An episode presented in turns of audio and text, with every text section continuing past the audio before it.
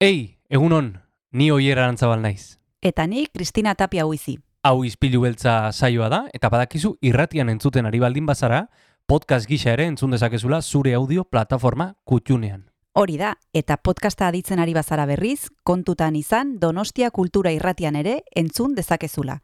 FM eundazazpi puntu lau frekuentzian. Sare sozialetan ere topatuko gaituzu noski, izpilu beltza bilatuta, Instagram, Facebook eta Twitterren. Besterik gabe, guazen gaurko saioarekin. Az gaitezen,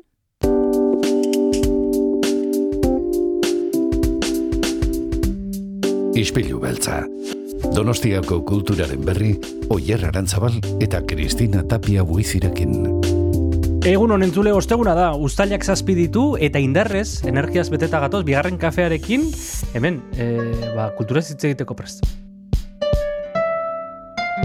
Egunon, Kristina? egun on oier, zer modu zaude? Primera, bigarren kafearekin izan dut zu, zenbagarrenarekin zaude? Nik badek izu bat hartzen dudala egunean, osea, que lehenbi- Ez dut derrigor lehenbizikoarekin. Ez dut sinisten, ez dut sinisten. Egitan, egitan. Bai, bale, bale. Bai, bai, bai, bai. Bueno, ba, aizu, e, zehatuko gara gu ere kafe batera jaisten.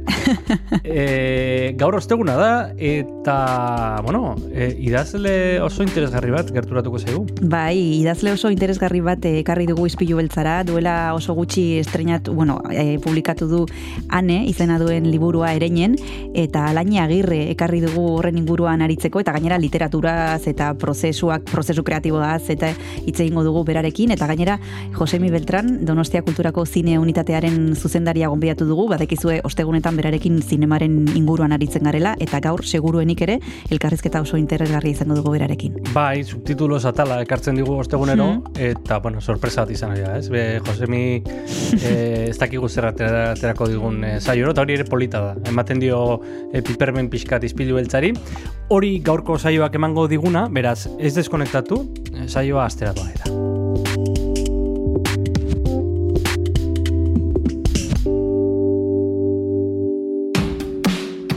Osteguneko saioa hasi egingo dugu Otoi proiektuaren azken abestiarekin, entzun dezagun Tofus.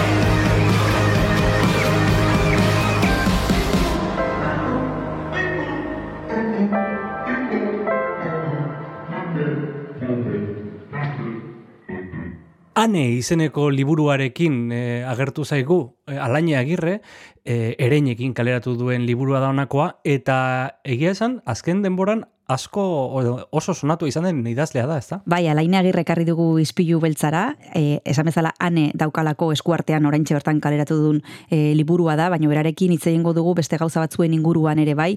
Liburu hau oso interesgarria da, kokatzen da ne, nerabe bat da protagonista, eta ze erabaki hartu behar ditu, nola izan behar den ausarta, nola ze ikasi ka- erabaki behar duen, gurasoek ez, ez daude ados, eta bueno, hor denok pasa dugun fase hori kontatzen digu alaina agirrek, anen, eta gero, esan bezala, beste gauza batzuen inguruan ere hitz egingo digu. Bueno, gure bizitzetan pasa dugun, denok pasa dugun etapa katazkatsuari buruz esan ezagun, mm, bakoitzak bere modura, tira, Mhm. e, alaine agirre gaurko ispilu beltzean.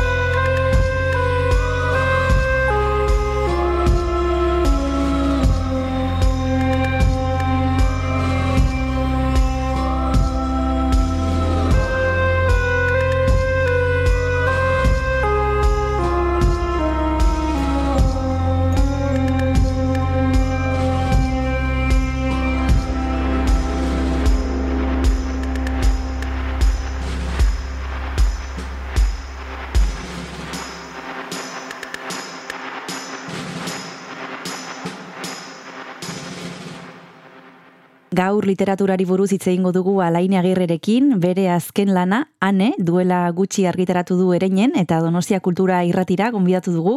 Egunon Alaine, zer modu zaude? Egunon, ondo. Bueno, esan bezala, e, umetxo berria daukagu esku artean, bueno, ja ez da zurea, ja denona da, ane izena du, eta azteko jakineko genuke zer e, kontatzen duzun e, liburu hontan, zein da sinopsia gehiagi kontatu gabere. Bai, ze, ze gatxa, eh? E, spoiler egin gabe. e, liburuaren amua jartzea. Badaitu, ba, Hane kamazortze urte dauzka eta unibertsitatera doa, ez daki oso ondo egin nahi duen, orduan gurasoak esaten diote, egiteko ekonomikak edo empresariales, ez dakite e, oso ondo nola da, baina, bueno, bai erpera asko dauzan ikasketa horiek, ez da? Eta, bueno, ba, joaten da, joan, baina ez du bere burua ikusten egia zan, handi hilabete parea pasarren, eta lako batean, ba, gurasoi esaten die, jazta, horraino, ez da? Ez duela hortik jarraituko. Ez dute onartzen, gurasoeke hori, eta, bueno, orduan, ba, gurasoan etxea utzi beharko du, pisu bat opatu, pisu ordaintzeko lan bate bilatu, eta, bueno, ba, horrekiko ditu eh, askatasunak eh, bakarren eh, ardurarekin eta bueno, egunerokotasuneko gatazka horiek, ez da, ba, labadora zelan ipini, e, lenteja zelan kozinatu, nik uste tanok pasa ditugunak. Eta, bueno, aldi berean baita ere, ba, bueno, ba, ba, harremanak egin, e, adin horretan, ba, gure burua eraikitzen e, ari gara, ezta? eta e, garrantzi handia eukitzen dute ba, egiten ditugun e, harremanek lagun adizkidetasunek ez da, e, gu sortzeraino, inkluso, eta bueno, ba, horrez ezagutuko ditu aitzi berreta Mike, lagun berriak, lehengo lagunekin, marenekin, liberekin, oierrekin ere eukiko du oraindik ere ba, hartu emona, eta, bueno, ba, horri da, ez da, ba, gaztetasuna dan, dantza horretan, e, bere bidea. E, topatzen eta eta egiten, ibigiala. Esan dituzun gauza batzugatik, e, pentsatu dezakegu nolakoa den e, zurean, e, baina deskribatuzuk nola dakoa da, ne? zure antza badu, badu zerbait e, alain agirretik? Ba, hola, bote pronto, uste dut ez ez, e, beste, bueno, nik uste pertsonaia guztia daukatela zerbait nirea, ez da, edo nik beraiena. E, ana ikusten dut nik nahiko nigandik urrun, ez da? E, oso kanporakoia ikusten dut, e, bueno, divertigarria, oso, ez dakit, e, badu oso inteligentzia zorrotza du eta erabiltzen du, ba, bueno, e, parra egiteko bere buruari edo, edo errealitateari edo badu melodramarako jero bat, behar ba, horretan ba naiz nahi. Ez dakit, e, ausarta da, e, bai, bai, bai, gauza batzuetan, bai, egia esan zuri kontatuta ikustu neure burua, beste batzuetan ez, eta, e, bueno, e, nik uste denoi gertatzen gula, ez da, irakurlei ere pasako zaiela, ba, gauza batzuetan han ere, han ikusiko dutela, e, han ere ikusiko dutela beren burua, eta Eta beste gauza batzuetan behar bada beste pertsona handik zutiko dira urriago. Aipatu duzu alaine hitz bat, ausarta, ausarta da, e, ane, baina batzuetan oso zaila da ausarta izatea.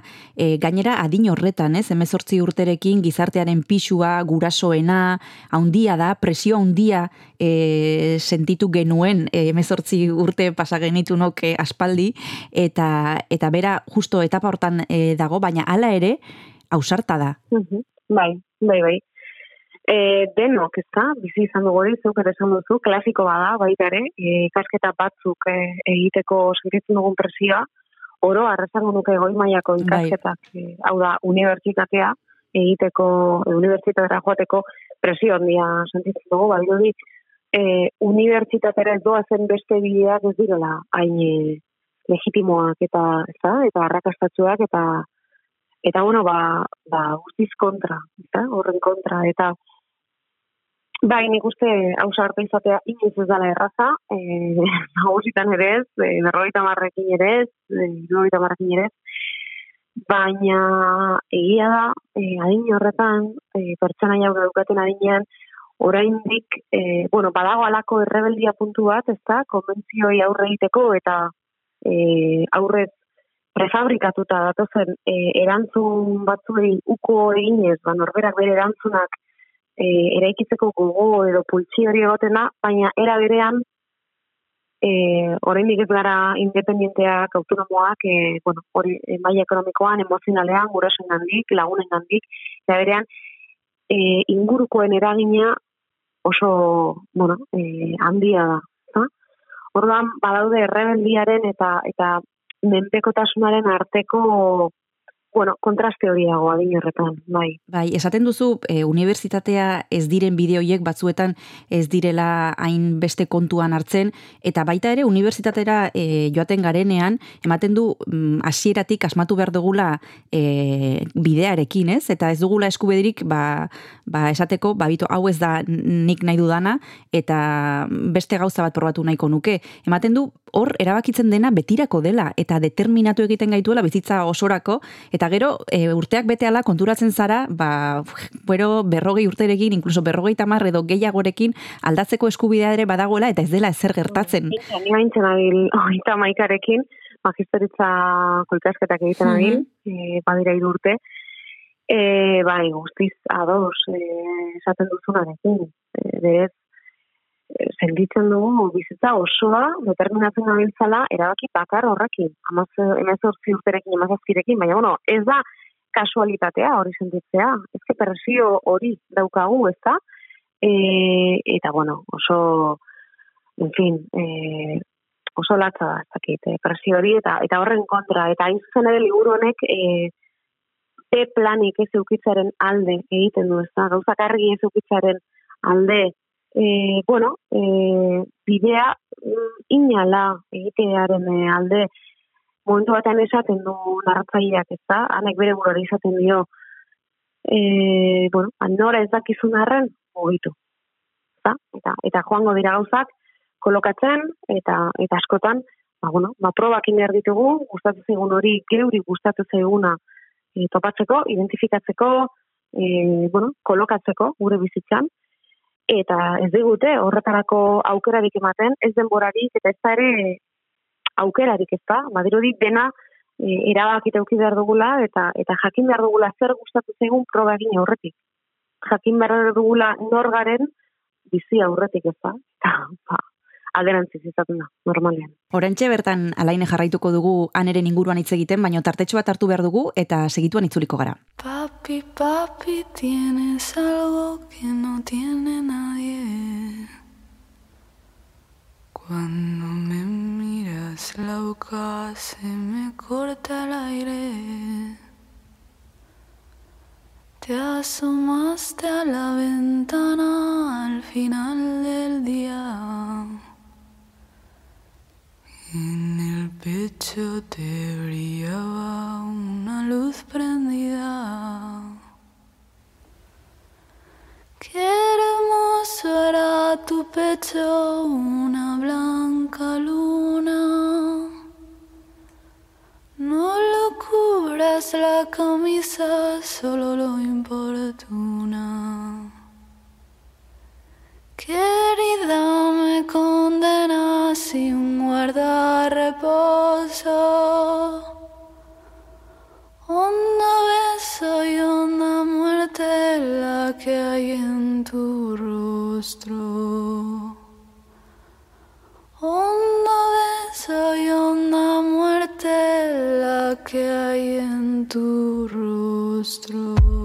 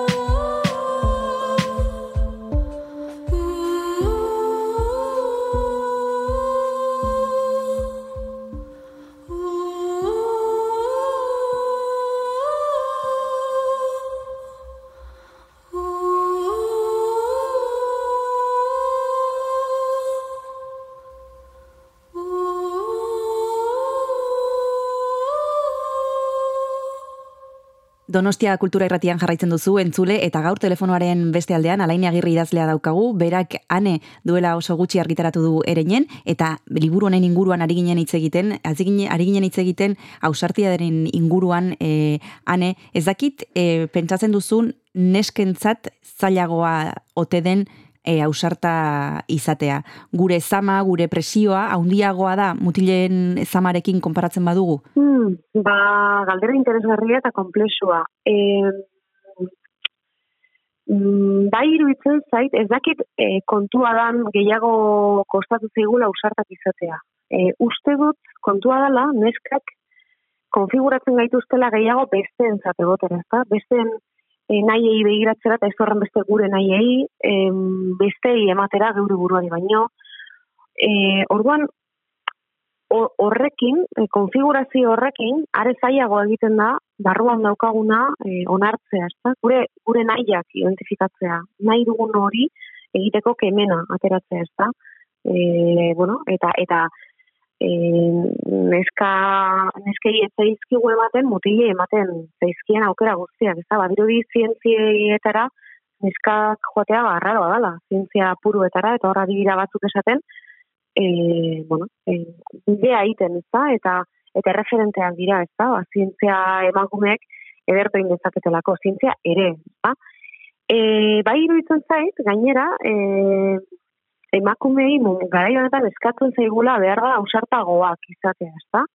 E, e, intimidad e, seria ikusten aritu nahi, segunotan, e, Netflixen, e, eta eta uste dut horren, bueno, hori sumatzen dela, ez da, indartsuak izateko beharra, esan dut, em, mundu gizarte maskulinizatu honetan bizireuteko eta eta ikusiak izateko indartsuak izan behar gara. Ezin, e- ezin diogu geure buruari baimendu, deskantzua, e, laguntza eskatzea, gaizki gaudela e, esatea, ze bestela e, akabatingo gaituzte, janingo gaituzte, eta ena izorren aldekoa, ez bare. Iruditzen zait importantea, batzuetan ausartak izatea, indarra ateratzea, baina beste batzuetan esatea, nik ez dut gizarte hau aldatzeko eta jendeari pedagogia egiteko e, ardura nik ez daukat, ezta?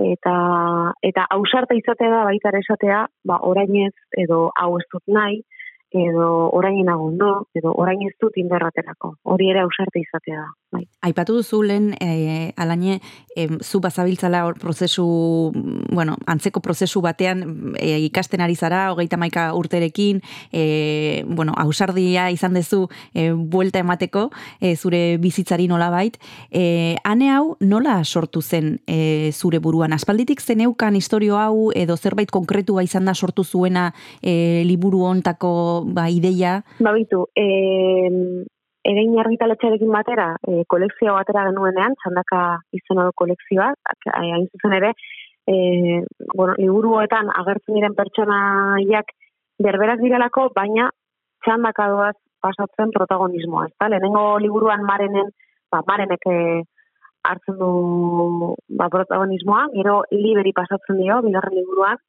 hirugarren liburuan oier ezagutzen dugu, e, barruragotik, eta e, laugarrenean e, azken honetan orain dela gut- gutxi atera den honetan ba ane, ezta? E, kontua da ane lehendik ezagutzen dugu, ezta? E, baina orain, bueno, esan dezakegu bueno, bere barruan edo sartzen garela, ezta? Anerekin neukan historio bat e, aurretiaz. E, bueno, besteekin ere gutxi gora berako zeo zer neukan, eta egia da, ba, urteak e, dara matzat, liburu idazten, eta egia da, ba, e, gerota gehiago joan naizela pertsonaiak ezagutzen, e, gerota errealagoak bezala egin dira, ezurra gabizkoagoak, eta, bueno, bidean, e, idatzi ala, ba, e, joan nintzen ane bera ere topatzen, ezta? E, esango nuke gehien kostatu zean pertsonaia dela, eta, eta bueno, e, ikasketena gehiago izan zen, e, klasiko badalako, ezta? E, denok ukitzen, edo asko ukitzen gaitu duen gaia dalako, e, presio handia sentitzen dudalako, sumatzen dudalako gazteingan, erabengan, eta, eta pur bat hor nahi nuen jarriane, klasikoa edo e, oso ohikoa dan egoera horretan, baina era berean arrakalatzea nahi nuen egoera hori ez da, eta nahi nuen anek bere originaltasun eta izaera, bueno, berezi horrekin nahi nuen ba, beste bide bat ematea egoerari, ez da beste irten bide bat, eta eta divertitu nintzen esan behar dizut. Ze ikasketen, kin gurasoek sartu dizuten presioarekiko gai, gai hori ukitzen zen maren liburuan, lehenengoan ere, baina beste leku batetik ez da, eta hanek hemen esan dezakegu apurtu egiten duela, bueno, marenek ere bai, baina hanek bakoitzak bere modura ez da, eta hanek apurtu egiten du konbentzio hori, eta eta aurrez inposatu dioten bide hori, eta behar dizut, eh, divertitu nahi zela, bai. Bigarren deskantzu bat hartu behar dugu eta oraintxe be- segituan itzuliko gara. Oso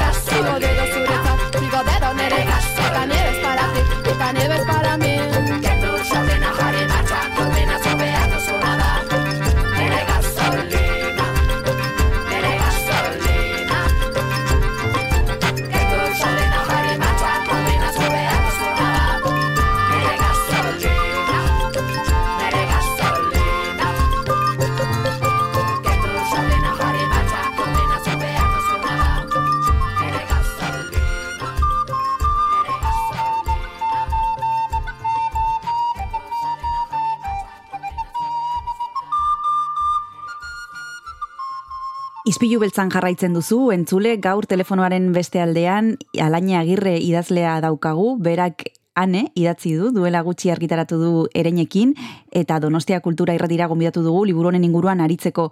Aipatu duzu, e, ane dela azkena e, txandaka horren barruan, prozesua, esan duzu, disfrutatu egin duzula, baino egondoa momenturen bat e, zaila, kostatu egin zaizuna, Bai, noski idaztea bera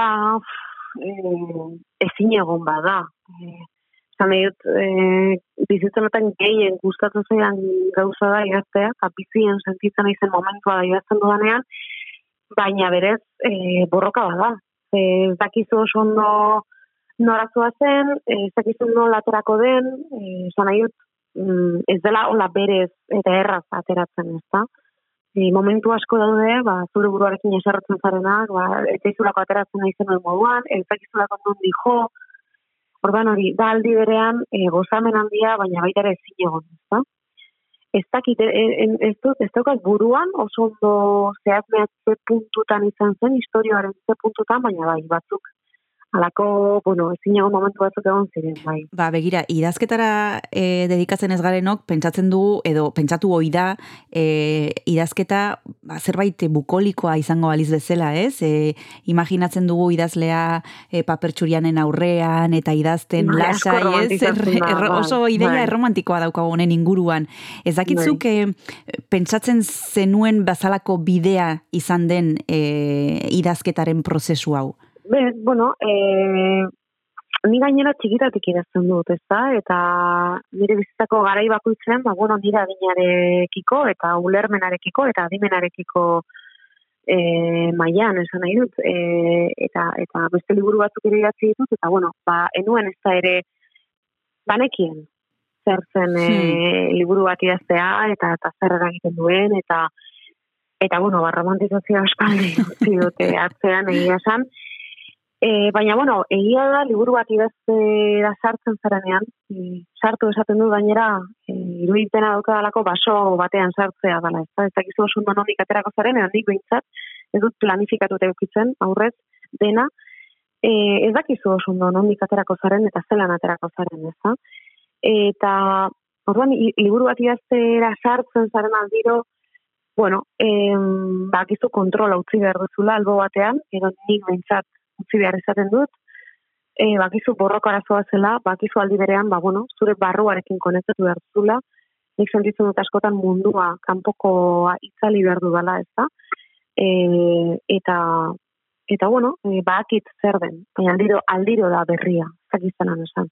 Aldiro da berezia, liburu bakoitzak ematen dizulako, e, zeu zer berria, eta zuk zeuk ere liburu bakoitza tratatu behar duzu, bakarra e, delako, ba, bere horretan. Esaten duzu txikitatik hasi zinela idazten, eta nik ez dakit momentu hartan e, idazle nahi zenuela izan pentsatzen zenuen, ze klaro, e, ba, gauza bat da idaztea zure etxean bakarrik, baino gero publikatzea beste kontu bat da. Eta hor konpartitzen duzu zure lana, eta hor salto handia dago. Nik ez dakit txikitan ja e, idazteaz gain bazenekin e, ba, konpartitu nahi zenula zuk idatzitakoa, eta bueno, ba, beste jendearekin e, partekatu zure lana. Ba, bitu, enuen e, pentsatzen edo esaten idazle, idazlea izango nintzen uste dudala, uste eneukala eredurik, ez da? Idazle, idazlea lanbide bat zenik edo, edo nuen uste orduan, bueno, ba, presente neukan, e, beste lan bat eukiko nuela, eta baina bai, e, banekien beti idatziko nuela, ez da? Eta banekien zauko esan duzu bezala, bueno, konpartitzeko, idazten dituena konpartitzeko gogori baneukan, ez da? Eta, eta imaginatzen duen neure burua, ba, Germinoko liburu tegian, ba, liburu bat aurkezten, nire liburu aurkezten, eta hori oso presente egon da txikian izenetik. Eta, e, bueno, egia da, argitaratzen hasi nintzenean, harritu ninduen inguruko jende guztiak, ez bakarrik eh, familiak eta lagunek, baita ere ezagunek ere esan zen zidatela, ez da? Bueno, ba, genekien, hau, hau, hori, zinela, ez da, ez da izan sorpresa bat, ez da? Eta harritu nintzen, ez da, mundu guztiaren txat, nire bide logikoa, niretzako, bueno, niretzako lekua hori zalako, ez da? E, idaztea eta argitaratzea. Gertatzen dana da, e, egia dala, oso zaila dala, e, idaztetik e, eta idazle lanetatik bizitzea. Orduan, bueno, ba hor, e, bueno, ba, beste lan bat euki behar dugu askotan, eta eta hori ere presente euki dut, eh, esan nahi dut, ba, bueno, e, bi bide diferente ziren idazat ez da. Ni banekin beti idatzi ingo nuela, e, zagutzen nau- nauten askok esan izan diate, ez da, e, ezin izelago idatzi barik, eta ala da, eta nik neuk ere badakit, idaz, idazteari esker digeritzen dudalako bizitza, eta ulertzen dudalako edo kolokatzen dudalako beto esan da gertatzen zidana, eta e, eta bueno, ba, laguntzen didalako aurrera egiten, eta eta galderak egiten, ez da, niretzat artea erantzunak ematea baino gehiago da, galderak egitea, ez da, eta hor bilaketan esplorazioan egotea, ez da. Eta orduan, bueno, panekien beti idatziko nuela, baina, bueno, baita ere, pentsatzen nuen, ba, irakasle izango nintzela, e, eta, eta, bueno, ba, bizitza praktikoa, eta, e, eta, bueno, ba, janari emango zidana ere egingo nuela, bai. Horrek eskatzen du e, modu anarkikoan idaztea, ze hemen Carlos Linazasororekin hitz egiten genuen duela gutxi eta berak esaten zuen, bitu nik beste ogibide bat behar dut e, mendik ezin dalako bizi, zuk esan dezun bezala, baina klaro, e, or, beste ogibide horrek ez dituzten idazten, orduan langabezian nagoenean bakarrik idazten dut, eta horrek eskartzen du, ba, bueno, idazten dut aldudanean, aldudan momentutan, oso modu, e, ba, ez e, rutinarik gabe, ez, esan dezagun, ez dakiz zure modua zein den badaukazun, e, ba, e, oso gauza sistematikoa, antolatua, Ba, bitu, enez, e, ni oso sistematikoa naiz berez, bizitzako beste esparro guztietan, eta idazten dudanean e, anarkia naiz baita ere. Eta behar dut hor hor- horrela egon, ze konturatzen naiz e, sortzeak, sortze prozesuak ez duela ulertzen ordutegiez eta Orduan, egia da, bueno, ba, garaiaren arabera, lehen gehiago nuen gauez, e, bueno, ba, nire azken eleberriak arena e, idatzi nuenean, ba, bueno, goizean goiz esnatzen nintzen, ba, bueno, e, e, unibertsitateko gauzekin jarri aurretik, ba, horre egoteko ordu batzuetan, ezta? E, aldan moduan, eta, eta Carlos Linazasunak izaten duenarekin bat eginez, jo, e, oso gaina importantea iruditzen zait hori publikoki esatea, ez da? E, a- e, agerian ustea ze kontra esanean bizi garen, ze idaztetik ezin gara bizi, e, eta ez da idazle lanetatik, idazle lanak esaten dut, idazte, askotan idazle lanetatik bizi garenean ere, ez garelako idaztetik bizi, bizi garelako itzaliak ematetik, e, bueno, e, enkarguak egitetik, beste gauza batzuk idaztetik, literaturez direnak, e, artikuluak e, idaztetik, kolaborazioak egitetik, ezta? Baina ez gure liburuak idaztetik. E, eta hala ere, e, idazle lanetik bizi garenean, bueno, oso zaila da ogibidea hortik e, bueno, lortzea, eta eta eta askotan esan dizuan bezala beste lan bat behar dugu, ezta? Baina ia da beste lan horrek ez digula denborarik eta energiarik uzten sortzeko idazteko. Eta gainera, e, sortze lanak eskatzen du niretzat behintzat beste e, gauza guztiak baina asko, baina askoz e, energia gehiago, indar mental gehiago. Esan nahi dut, e, askoz gehiago nekatzen naiz ni idazten, ikasten baino, azterketetan egonda baino, e, etxea garbitzen baino, e, beste lan bat eginda baino. Idazteko bat egon behar da oso oso indartzu eta ez nola esan, eta burua eta gorputza hartzen dizu idazteak berak, ez da? Ez bakarrik e, tekleatzen zaudenean ordenagailu horrean, ala horri zuiaren horrean boligrafo mugitzen. Idazten zauden zaude baita ere paseatzen zaudenean e, insomnia hauetan historiari bueltaka zabiltzanako, ez da? Orduan, importante iruditzen zait kontraesan horiek e, agerian uste, ez da? Beste ogibide batzuk eduki behar ditugu, baina era berean horiek ez digute usten energiarik eta denborarik idazten egoteko, egero gure liburuen inguruan, ba, elkarrizketak emateko, eta e, itzaldiak emateko, eta askotan hortu dator antxetatea ez da, ba, gauza guztiak kontziliatu nahi izatetik, ez da? Beraz, ba, bueno, ba, zaindu beharko genuke gehiago, ba, sortzaien e, lana. Guk ez dizugu denbora gehiago kenduko, zure gauzak egin ahal izateko.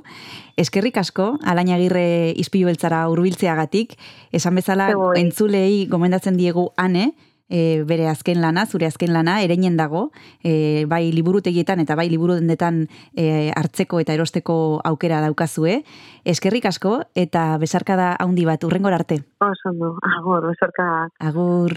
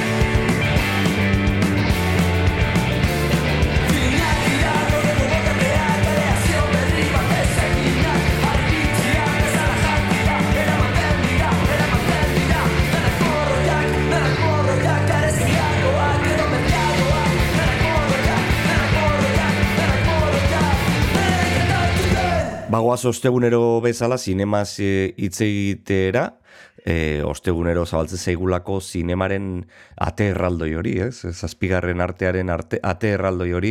Eta nondik zabaltzen zaigun? Ba, donostia kulturatik, Josemi Beltranen laguntzarekin.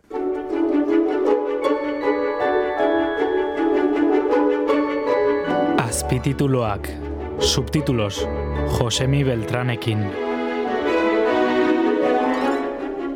Subtitulos atalari helduko diogu nola ez, Josemi egunon? Kaixo, zer moduz, zelan. Bueno, ondo esango dut, baina nire hautsak eh, dela, delatatzen dago, eh? delatatzen. Bueno, baina ez, da, ez dago gaizki, ez da, ez da Eh. itxusia, ez da itxusia. Ez, eh, tarte baterako ez dago gaizki, luzerako agian. Bai, baina, batez ere esfortzua ez egin. Gehiegi ez, eh, esfortzu gehiegi ez egin. bueno, sa- saiatuko gara ahotsa mantentzen, bintzat, Mhm. eh? Hor- hortan saiatuko gara. Eta, eta hori pozik, ba, zinema zitzen behar dugulako, eta gainera gaur, eh, aprobetxatuko dugu jazaldiarekin lotzeko. Mhm. Bai, eh, bueno, Donostiako jasaldiarekin eta, bueno, Euskal Herriko ia jasaldi guztiekin, no? Bai. Eh, ust- beti da ematen du dela jazz garaia, edo jazz denboraldia, leku guztietan. E, gainera aurten badago berri bat, e, bueno, jasaldi txiki bat oinarbin e, aurkeztu da, e, zenbait kontzertuekin, baina hori, ja, hori da ja gehiago musika programazioa, Eta horretaz aparte, ba, aspaldi Euskadiko filmategiak antolatzen du ba, e, sinema ziklo bat, e, ba, bueno, e, denboraldi honekin lotuta. Mhm. Tira, ba, guazen jaza eta zinema uztartzea.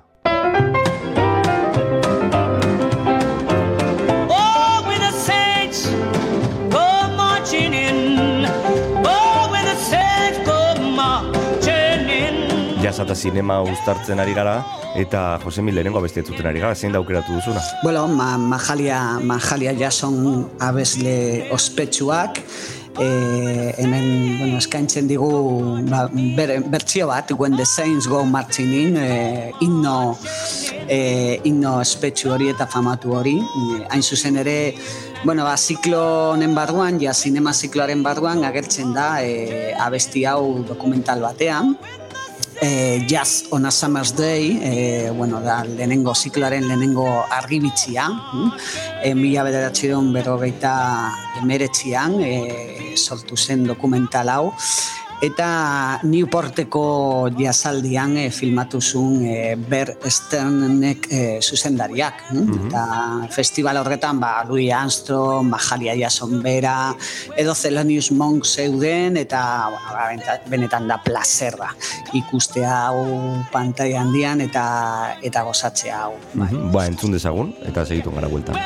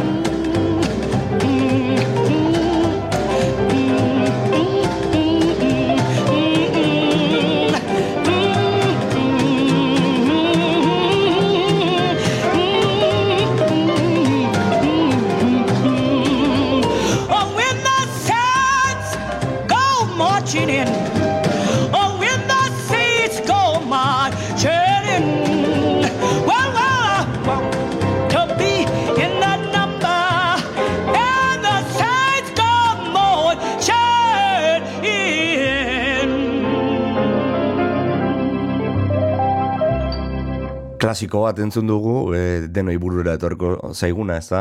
E, bueno, e, horako funeral alai bat e, e, egiteko, ez? E, e, norbaiten bizitza ospatzeko e, joan denean.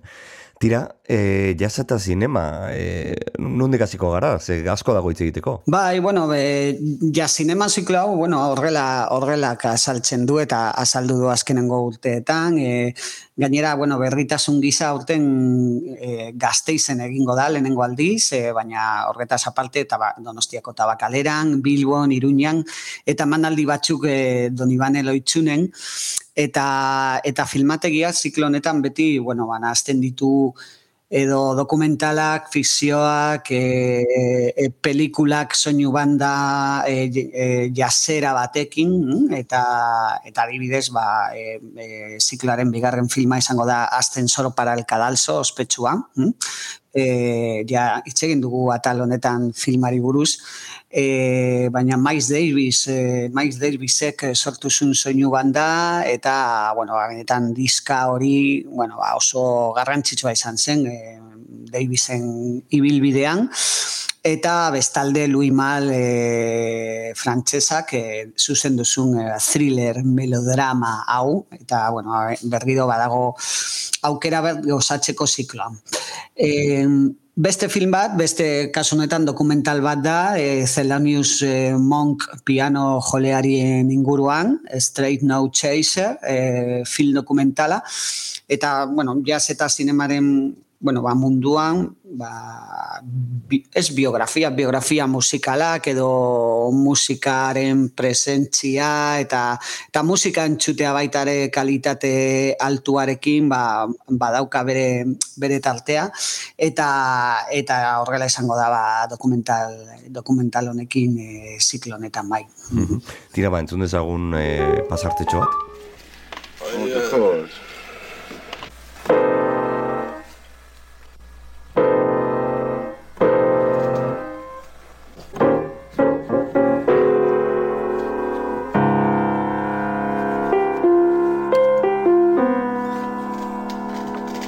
flat. Uh, yeah, G flat. G. D. D flat. D flat, that means my E flat. E flat what? D flat what? Uh, D flat seven. D flat seven. Uh, then uh, think about right here. G minor seven to D Yeah. flat. Yeah. G minor seven. zinemaz eta jazzaz ari gara hitz egiten. Tira, e, bueno, be, oso harremanduta egon dira e, historian zehar, eta eta bueno, aipatu ditugu hainbat pelikula, ez? E, ja zinemaren baitan ikusi izango direnak, hirugarren bat okerrezpanago badago eta gainera zuk aurkeztuko duzu. Bai, hori da, bueno, laugarrena, laugarrena berez. Hori da, laugarrena. eh, laugarrena zikloan da Mo Better Blues, eh, Spike Lee izan zen zuzendaria, eta, bueno, ba, bueno, eh, izan, esan behar dut, eta eskarrak eman behar dizkiot eh, Josean Fernandez Euskadiko filmategikoa, zeren nik, eh, bueno, aspaldi darama txapa ematen film hau botatzeko eh, zikloaren barruan, eta azkenik lotu dut, zeren oso zalea naiz, e, bueno, ba, e, Spike Lee zalea, esan, esan behar dut, eta, eta bereziki film honen zalea, e, Mo Better Blues edo Cuanto Más Mejor izenburua izan zuen e, e, Espainiako estreinaldian, E, eta bueno, aitzakia da alde batetik e, Spike Lee zuzendariari buruz hitz egiteko eta bera gora ipatzeko eta bestaldetik ba, bueno, badaude zinemaren historian ba, zuzendari batzuk ba, harreman berezia esan dutenak e, jazarekin. E, Bai. Ba, badago Woody Allen, e, jakina, Clint Eastwood, edo gure Jess Franco, Jess Franco adibidez, e, Espainiako e, Cinema Z edo Cinema B nahi baduzue ba, zuzendaria ba, oso, oso jazalea zen, eta bera musikaria, naiz eta gero bere filmetan askotan esain beste ez ikusi, baina baina berak esaten zuen, ba, film, filmak egiten zituela e, jasa egin bezala, e, improvisazio puntu, puntu horrekin. E, baina, bueno, punt, e, memento honetan e, Spike Lee buruz e, hitz egitea gustatuko litzaidak. Oso ondo, oso ondo. Spike Leeren e, inguruan, e, pelikula hori aitzaki, entzun dezagun pelikularen zatitxo bat. I want a man who knows what he wants. I know what I want. My music. Everything else is secondary. What you and I do is not make love. What would you call it, Danny? It's definitely not making love. You ever heard of the Mo Better? Mo what? Mo Better makes it Mo Better. What about Delvis? I like her too. I like women. When you say it was a million in one shot, they wear the same dress and the same day to see each other. Like it or not, you're a dog. You're a good doggy, but you're a dog nonetheless. Denzel Washington, Spike Lee, Wesley Snipes, Samuel L. Jackson, Bill Nunn, eh, eta Nicolas Turturro besteak beste, eta bueno, zerrenda oso oso handia da. E, e, sekulako repartoa dauka, e, gehienak e, beltzaranak, ez da, afroamerikarrak. E, zer nabar, nabarmenduko zenuke pelikula honen gandik? Bai, e, bueno, nik uste dut e, Spike Lee zuzendiaren, bueno, ba, urrezko aroa, esan dezakogu mm. pizkak exagerazioa, egiten. E, bueno, hau e, iaia justu haz lo que debas edo do the right thing e, estreniatu eta gero e, egin zuen, Mo Better Blues. E, jarraian etorri ziren Jungle Fever edo, edo Malcolm, Malcolm X bezalako filmak. Eta garai horretan ba, Spike Leeren filmak e, Espainian ba, oso ondo estrenatzen ziren eta eta bueno, arraskatatsuak ziren, arrakataz, barkatu. E, hemen Denzel Washington dago inoiz baino sesiagoa, esan dezakegu. Mm. bai, bere, bere baitaren momentu on batean, izar bezala. E, eta gainera, hau esaten dut, zeren e, jasa, musika eta eta bueno, ba, sexy kutsu hori garrantzitsua da filmean. Eh? Badago ba, eto, trompeta jotzaile bat, eta oso jole e, baten arteko harremana, baina baita ere trompeta jotzailearen e, eta bera da Denzel Washington, ba, amodio, amodio harremanak eta eta hoiek, ba, bueno, ba, e, noiz benka zeinbat arazoekin, no? Bere, e, bere arazoak emakumekin, esan dezakegu, no? Ba, ba, baita ere gaueko gautxori, musikari gautxorien e, leyenda, ba, osatuz. Baina, ba, nire ustez, eh, nola irudikatzen duen Spike Lee, ba, bueno, eh, kluben, jazz kluben eh, ba, estena hori, eta nola aldarrikatzen du, ba, bueno, eh, baita ere, ba, kultura, estatu batuetako kultura, kultura bentzan duen garrantzia e, musika eta eta bereziki jasa, e, Spike Leeren familia badaude, badaude musikariak, eta beti, beti, beti musika oso garrantzitsua da bere filmetan. E, normalean Teres Blanchard izaten da e, bueno, ba, musikaria, kasu honetan e, Terence Blanchard eta Branford Marsalis izan ziren e, ba, soinu bandaren e, e, edo. E, eta, bueno, ba, niri asko gustatzen zai musika, bueno, zer esan Marsalisen inguruan, ba, bueno, familia oso garantzitsua e, jazz munduan. Eta horregatik nire ustez, ba, bueno, hau da, bueno, argi bitxi bat, eta benetan, bueno, ba, pena merezi du pantai handian ikustea. Eta nik aurkeztuko dut amalauan e, gazteizen, Altin Museoan, eta amabostean e, e, Donostiako tabakaleran e, izango dugu ikusgai. Bueno, jaza eta sinema gustatzen duen, ja, sinema jaialdia esan bezala, eta tira, gustora jarraituko duguna. Informazio guztia Euskadiko Filmategiaren webunean topatuko duzu entzule, beraz, e, ez eh, galdu denborarik sartu bertan eta begiratu ea tarterik duzun film ederra ez e, disfrutatzeko Josemi agurtu egingo gara eta azkena besti bat eskatuko dizugu. Ba bueno, ba jakina Mo Better Blues e, e, abesti nagusia, filmaren abesti nagusia, e, Marsalis eta eta Blanchard soltutakoa. Primeran entzun dezagun. Agur, agur, Josemi. Bai, agur.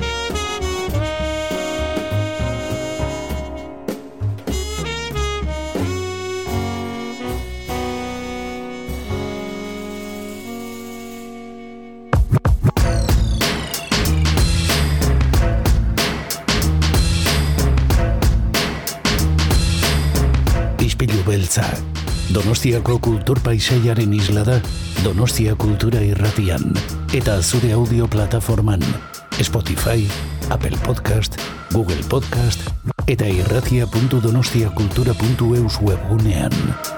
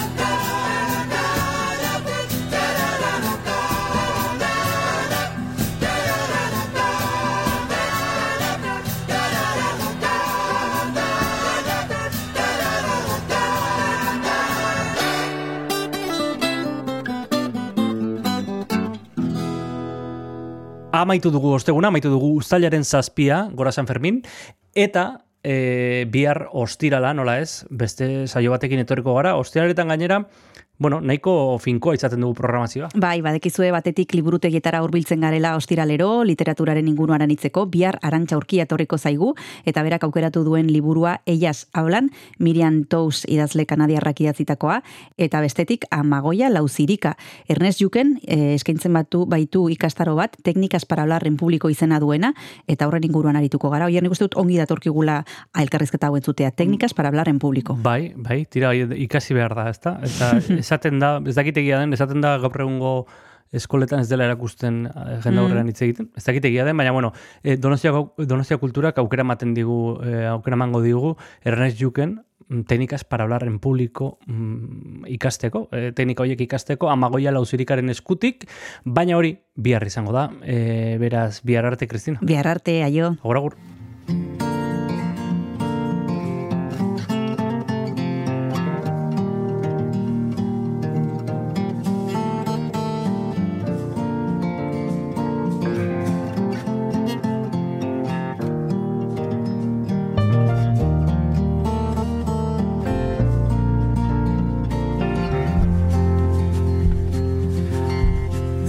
time, tell us.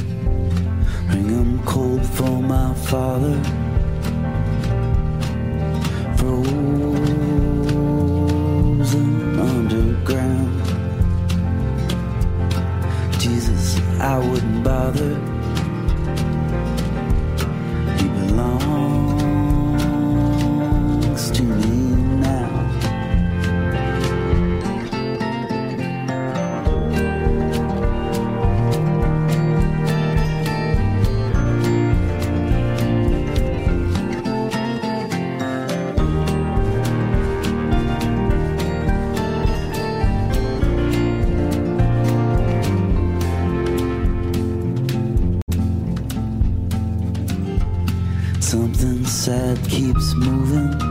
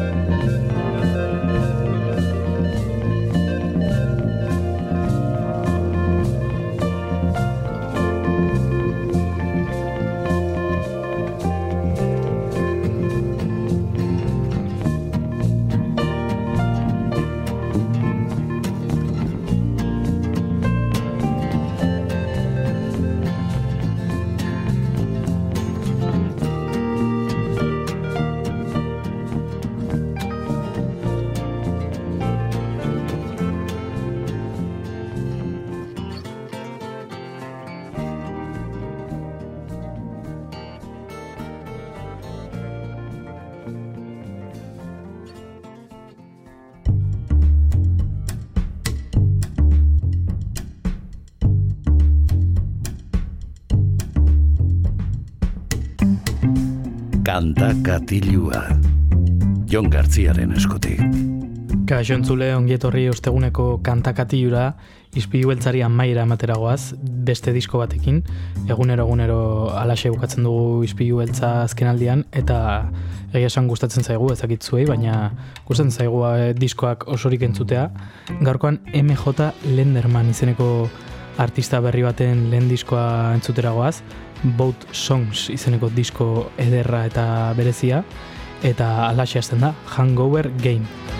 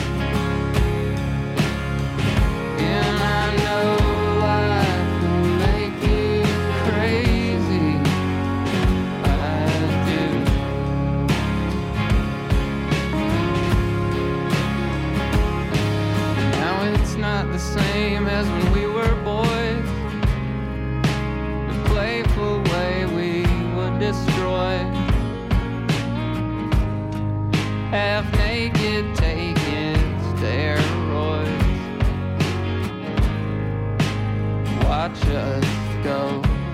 I always believed every time you said you were gonna be like our hero someday.